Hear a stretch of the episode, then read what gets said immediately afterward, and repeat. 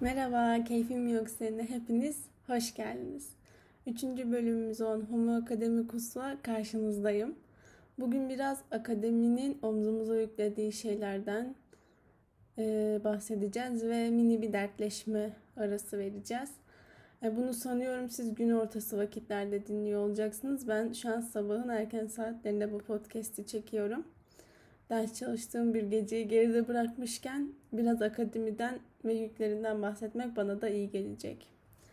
Tekrar hoş geldiniz. Ee, akademi yolculuğunun henüz yüksek lisans aşamasında olan ve doktorayı da hayal eden ama acaba yapmasam mı diye sorgulamalara da son 6-8 aydır sürekli giren bir genç kadın olarak size biraz bu yolculuğumda yaşadığım problemlerden ve nasıl çözdüğümden ve biraz polyanacılıktan bahsedeceğim.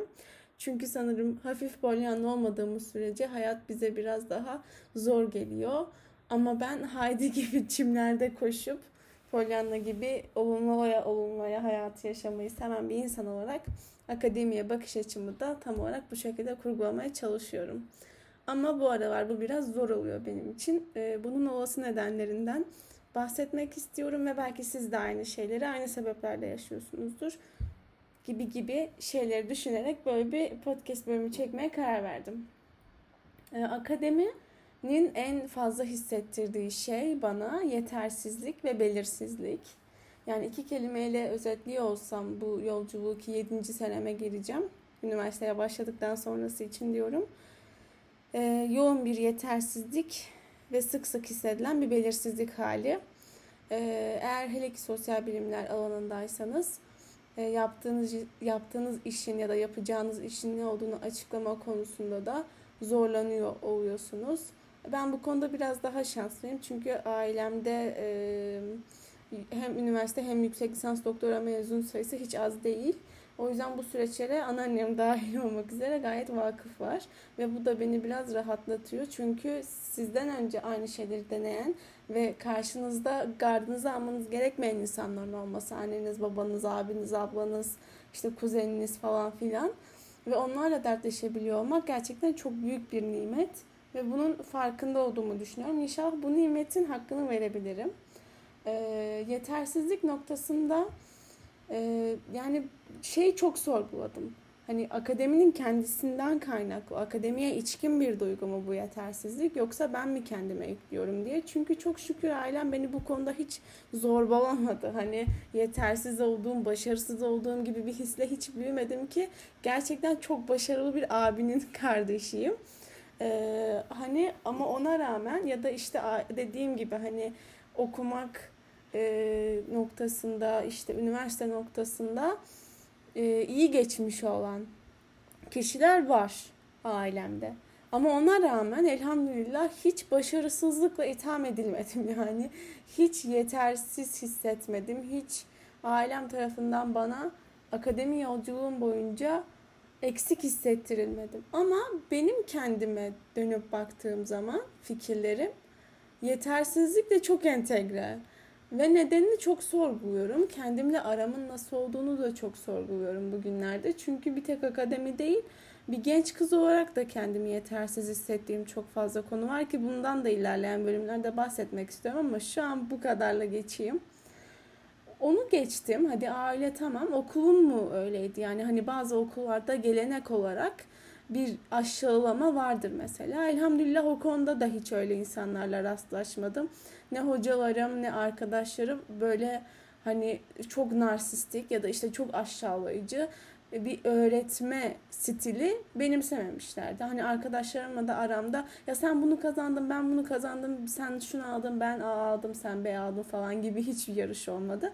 Aksine birbirimizin başarısından hep çok memnun olduğumuz ve birbirimizin başarısı için dualar ettiğimiz güzel arkadaşlıklar kurdum. Çok şükür. Gel gör ki, gelin görün ki ben kendimi yetersiz hissetme noktasında Sanki bunların hepsini deneyimlemiş, korkunç travmatik anıları olan bu konuyla ilgili bir genç gibi davranmaya devam ediyorum. Yani kendime yüklediğim yüklerin farkına varmak bu açıdan bir adım olabilir gibi geliyordu bana. Hani bunu fark etmek ya Esra bunu sen kendine yüklüyorsun. Kimse senden böyle bir şey beklemiyor ya da kimse sana yetersiz demiyor. Sakin ol kızım diyebilmek bir adım olabilir gibi geliyordu. Ama adım olmuyormuş. Çünkü fark ettiğiniz ama çözemediğiniz dertleri fark etmiş olmak zihninizde yeni bir sekme açıyor. Böyle bir derdim de varmış diye ama çözemediğiniz için o sekme kapanmıyor. Açık kalıyor o sekme. Ve benim o sekmem açık. Ama bu yetersizlik hissi şey gibi bir şey değil yani. Hani ben daha fazlasını yapabilirdim. Ya ben X üniversitesini kazandım. Y'yi kazanabilirdim. 90 aldım. 95 alabilirdim. 99 alabilirdim gibi bir yetersizlik değil. Bu bana çok e, sığ ve bencilce geliyor bir yandan. Bilmiyorum bunu deneyimliyor musunuz ya da deneyimlerken nasıl bir backgroundla deneyimliyorsunuz ama kendiliğinden başkalarının başarısını istemeyerek gerçekleştirilen bir yetersizlik hissi. Hani benden daha başarılılar var benim onları geçmem lazım. Minivalinde deneyimlenen bir yetersizlik hissi. Hem çok yorucu deneyimleyen için ben öyle bir şey deneyimlemedim. Sadece dışarıdan gözlemimi açıklıyorum. Hem de dediğim gibi bana biraz e, üzerine çalışılması gereken bir his gibi geliyor. Ben kendi deneyimimi anlatayım. Belki bununla ilgili konuşuruz. Ben potansiyelim varsa gerçekleştirmemekten çok korkuyorum. Eğer bir şey yapabilecekken yapamazsam ya da yap yani yapabileceğim şeyleri kaçırırsam çok üzülürüm gerçekten. Ve benim işte ağlamalarım, sızlamalarım lisansta işte olumsuz mail geldiğinde üzülmelerim ya da ne bileyim hala şu an doktora konusunda endişelenmelerim yapabileceğim şeyleri kaçırma ihtimalimden kaynaklanıyor bence. Çünkü eğer bana bir potansiyel verildiyse ve ben bunu doğru şekilde gerçekleştiremezsem, kendimi gerçekleştiremezsem hem çok üzülürüm hem hayattan tatmin olmam gibi hissediyorum ve hem de yazık günah yani. Hani bu potansiyel bize doğru yolda doğru şekillerde kullanalım diye verildi en nihayetinde. Allah'ın bize bir hediyesi. E biz bu hediyeyi doğru şekilde kullanmak ve gereğini yapmakla yükümlüyüz. Ayşe Şasan'ın dediği gibi yani yaratıcı anlamı bir hikaye anlatmak durumundayız. Böyle bir isteğimiz de var, böyle bir zorunluluğumuz da var aslında. O anlamlı hikaye kurgularken kendi potansiyelimize göre bir hikaye kurgulayacağız. Ve ben de kendi potansiyelimi gerçekleştirmemek noktasında endişe ediyorum. Çünkü dediğim gibi çok üzücü bir şey bence. Bunu geçtim. Biraz da belirsizlik. Belirsizlik daha yoğun bugünlerde. Çünkü 24 yaşına geldim ve yaptığım işin pratikte çok bir karşılığı yok. Yani akademisyen olmak dışında ne yapabilirim ya da ne yapmaya karşı bir yetkinliğim var, ne yapacak potansiyelim var bilmiyorum. Çünkü ben 7 yaşında okula başladım ve hala okula gidiyorum ve onun dışında deneyimlediğim çok az şey olmuştur. Yani işe girmedim, e, maaş beklemedim gibi gibi. Hani o iş süreçlerini deneyimlemedim. Bir mülakata, yani mülakata elbette ki girdim ama çalışan olmak için mülakata girmedim. Üniversite dışında bir hayatı tanımıyorum. E, dolayısıyla e, üniversiteden geçen hayat hani bu akademi hayatı da çok belirsizliklerle dolu bir hayat. İşte kadrolar belirsiz, kadroya kimin alınacağı belirsiz. Maalesef öyle adalet problemlerimiz de var biliyorsunuz. Gibi gibi problemler de elbette insanın 24-25 yaşına geldiğinde zihninin arka odalarında konuşulan, fısır fısır sohbet edilen meselelere dönüşüyor. Yani ailenizden ya da işte büyüklerinizden böyle bir baskı olmasa da böyle bir şey dönüşüyor. Çünkü artık yetişkin oluyorsunuz ve yetişkin hayatı yaşamak istiyorsunuz. Yani 24 yaşında 15 yaşında biri gibi yaşamaya çalışırsanız orada dengeler bozuluyor. Hani 24 yaşında olmanın size verdiği bir yükümlülük, bir sorumluluk ve bir hak tanımı var en nihayetinde. Toplumsal olarak öğrendiğimiz o paylaştıklarımızdan biri de yaş kavramı e, yaşın da getirdiği belli sorumluluklar ve belli zorunluluklar var ve ben de belli sorumlulukları yerine getirmek için zorunlulukların gerçekleşmesini beklerken akademide oldukça belirsizlik deneyimliyorum ve belirsizlik de yorucu bir şey. Ama belirsizliğin de keyfini çıkarabilecek bir psikolojiye gelmem gerektiğine inanıyorum. Aslında belirsizlik e, bizim açımızdan yorucu bir şey. Bir önceki bölümde o bahsettiğim bilişsel şeyden e, bilişsel çelişkiden bahsederken söylemiştim sanırım. Biz hayatı daha öngörülebilir görmek istiyoruz insan olarak. Daha belirli bir hayat istiyoruz. Böyle bir ihtiyacımız var. Daha çelişkisiz. E, ama hayat öyle bir şey değil. Hani bu ihtiyacımız olmasına rağmen reale döndüğümüz zaman her, her çalışan kazanamıyor. E, her işte ne bileyim kazanan mutlu olmuyor gibi gibi zihnimizde kurduğumuz o nedensellik dizgeleri gerçeğe geldiğinde işlemiyor, devamı getirilemiyor. Dolayısıyla belirsizliğe dair tahammül etmemi sağlayan şeylerden biri de reel hayatın zaten belirsiz olduğu gerçeği. Ve bunun yanında e, bence insan geleceğin belirsiz olduğunu kabul etmesi, e, aciziyetini kabul etmesinin bir göstergesidir. Çünkü biz çalışırsam kazanırım, yaparsam ederim, işte tıp okursam doktor olurum, şunu doktor olursam şöyle para kazanırım falan filan gibi nedensellikler kurgularken zihnimizde e, kıs, yani e, hakikate ulaşamayacak zihinlerimizde bunu kurgularken işleyen bir düzen var. Ve biz bu düzene yani öyle elimizi koyup değiştiremeyiz. Elbette ki irademiz var ve bu irade dahilinde bir şeyler yapabiliyoruz ama tüm belirsizliklerin yok olmasını istemek ya da yok edebileceğini iddia etmek inanılmaz bir güç. Beni de akademinin belirsizliği karşısında biraz daha güçlü tutan şey zaten ben insanım ve belirsizlikler belirsiz olarak kalacak.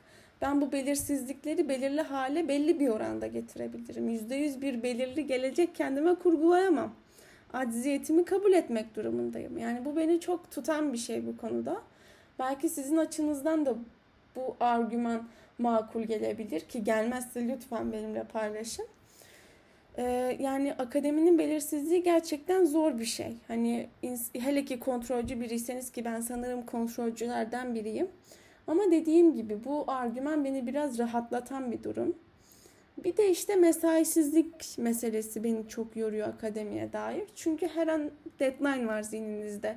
Ya bu proposal'ın son tarihi bu, bu yazının son tarihi bu. İşte laba gitmem lazım, veri toplamam lazım, makale yazmam lazım, kitap düzenlemem lazım falan filan. Hele işte okul dışında da farklı sorumluluklarınız varsa ki işte benim son birkaç aya kadar vardı ki o elhamdülillah beni çok tutan bir şeydi. O sorumluluklarımın benden gidişini beni nasıl yıktığını anlatamam. O yüzden anlatmayacağım.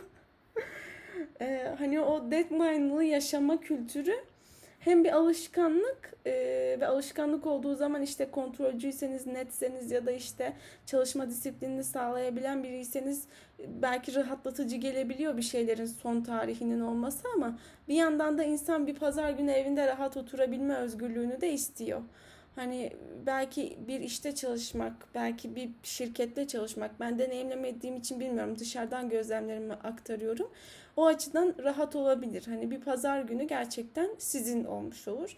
E, ama akademinin güzelliği de yine ben de henüz homo akademikus olma yolunda olduğum için dışarıdan gözlemlerimi aktaracağım. Çünkü ben henüz bir akademisyen değilim, bir öğrenciyim. Onun güzelliği de sanki e, dinleneceğiniz vakitleri kendiniz oluşturabiliyorsunuz. Kendiniz tarihlendirebiliyorsunuz.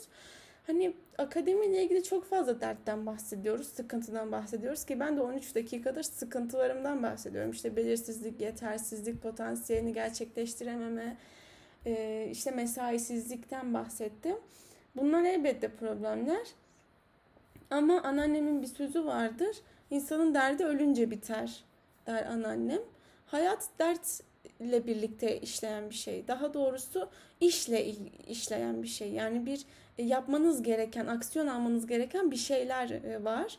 Ve e, eğer akademisyen olmak istiyorsanız ya da işte bu yolculuktaysanız sizin dert olarak ya da sizin iş olarak kendinize seçtiğiniz şeyler de bunlar oluyor ve bu iş tanımının da içinde böyle mini mini problemler oluyor. Belki bazılarımız için mini mini problemler değil daha büyük problemler. Ama en nihayetinde biz bunu göze alarak bu yola çıktık. Yani umarım siz de akademisyen olmak ya da işte yüksek lisans doktora yapmak için zorlanmamışsınızdır. Ben zorlanmadım ve kendi isteğimle burada bulunmayı tercih ettim. Dolayısıyla her zorlandığımda yani yolculuk beni zorladığında bu yola çıkarken o Esra'nın işte yüksek lisans kazanma heyecanını ve bu yolu ne kadar istediğini kendime hatırlatmaya çalışıyorum. Çünkü tüm sorumluluğu ben alacağım yani. Beni kimse bu yola zorla sokmadı. Ben kendim tercih ettim ve hala tercih ediyorum. Ve her sabah uyandığımda tekrar tekrar bir tercihte bulunuyorum aslında. E, madem hayatın pek çok veçesi var yani işte okul, iş, akademi, e, bir şirkette çalışmak, insan kaynaklarında çalışmak falan filan bilmediğim bir sürü meslek var. Ve biz de birini seçtik ya da bir şekilde yol buraya geldi ve buradayız. E, burada iyi olmanın belki de kontrolünü sağlamaya çalışmalıyızdır. Ama iyi olmaya çalışırken de en iyi olmaya çalışmanın ben problematik bir şey olduğunu inanıyorum. Çünkü en iyinin her zaman iyisi var. Hani artık sosyal medyayı da çok kullanıyoruz. LinkedIn, Instagram, Twitter hepsinde insanlar başarılarını tabii ki paylaşıyorlar. İnsanlar mutlu anlarını paylaşmaktan keyif alırlar. Ben insanların mutlu anlarını duymaktan çok keyif alıyorum. E, o açıdan insanların başarılarının problem olarak görmüyorum kendi zihnimde ama bazen insanların başarılı olduğunu görmek yetersizlik hissimizi perçinleyen bir şeye dönüşebiliyor elbette insanız. O durumlarda da işte Allah bana bir potansiyel verdi. Beni bir fıtrat üzerine yarattı. E ben bu e, potansiyelime uygun işte Esra olmaya, Ayşe olmaya, Mehmet olmaya, Ahmet olmaya uygun bir şekilde davranabilirsem ve potansiyelimi hayır yolda harcayabilirsem e, o zaman elhamdülillah yapabileceğimi yapmış olurum zaten diye rasyonelize edebilir ve durumu daha çekilebilir hale en azından getirebiliriz diye düşünüyorum.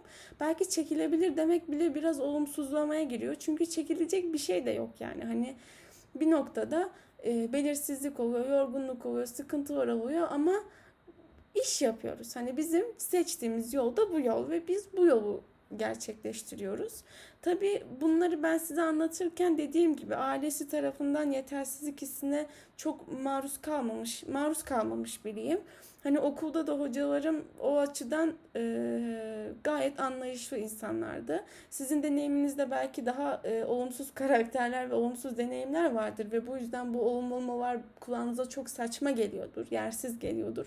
Onu da anlayabiliyorum. Yani en azından anlamaya çalışıyorum. E, ama o durumda da değiştirebileceğiniz tek insan siz olduğunuz için sizi değiştirmeye odaklanmak gerekiyor bu durumda. Çünkü siz annenizi, babanızı ya da işte hocanızı, lab direktörünüzü değiştiremezsiniz. Öyle bir yetkiniz de yok, öyle bir hakkınız da yok ama kendiniz üzerinde istediğiniz değişikliği deneyimleyebilirsiniz. Ve bence bu değişikliklerden biri de hayatın pek çok problemle birlikte geldiğini ama hayatın keyfinin de biraz problemler ve problemler çözmek olduğunu tekrar tekrar kendimize hatırlatmak. Gerçekten insanın derdi ölünce bitiyor. Yani ölene kadar hep zihnimizde, kalbimizde ufak, büyük, zor, kolay dertler oluyor. E, o dertlerden, zor olanlardan Allah bizi korusun inşallah. E, ama akademide belki bazılarımız için daha büyük bir derttir. E, daha büyük belirsizliktir, daha büyük problemdir. E bu daha büyük problemleri, daha büyük belirsizlikleri çözebilmek için belli stratejiler geliştirmek gerekir o durumda. İşte belki çalışma metodu, belki bir arkadaş ortamı, belki mentor e, programları gibi gibi böyle pratik adımların da ben bu açıdan anlamlı olduğunu düşünüyorum. E, bu noktada da şunu söylemek istiyorum sözlerimi tamamlarken.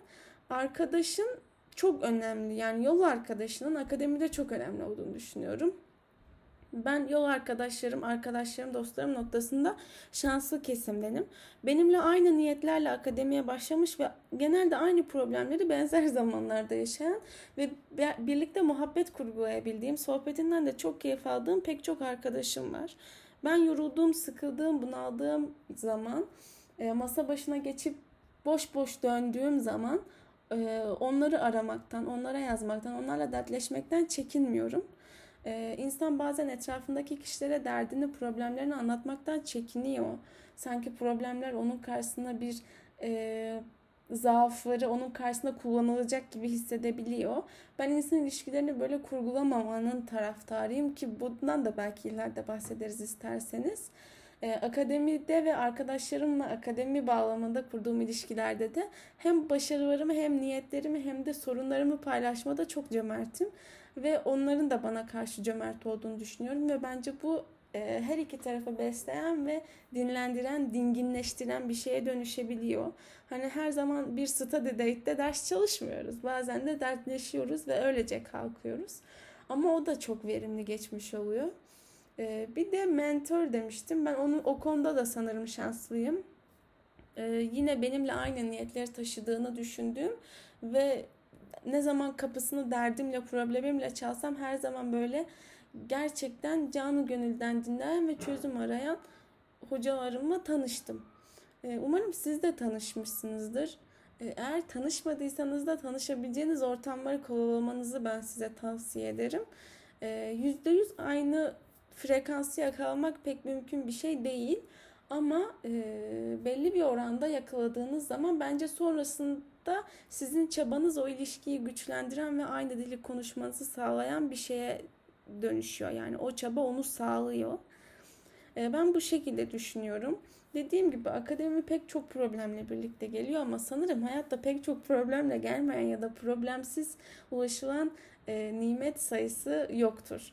Öyle düşünüyorum. E, İnşallah eğer akademisyenseniz o homo akademik kızlardan biri olmayı başardıysanız sizin için yolculuk güzel geçmiştir. Eğer o yoldaysanız benim gibi inşallah yolculuğunuz güzel geçiyordur ve geçecektir. Uzun bir yolculuk, belirsiz bir yolculuk, zor bir yolculuk. Bu zor bir yolculuk olduğu için de tek başımıza çıkmamızı ve devam ettirmemizin zor olduğunu düşünüyorum. Umarım yol arkadaşlarınızla şimdiden tanışmışsınızdır. Ya da belki de biz birbirimizin yol arkadaşı oluruz belli mi olur. Dertleşmek isterseniz Instagram'a keyfim mi yok seninle. Hepinizi bekliyorum. Bir sonraki bölümde görüşmek üzere. Kendinize çok iyi bakın ve masadan bir süre kalkın biraz dinlenin.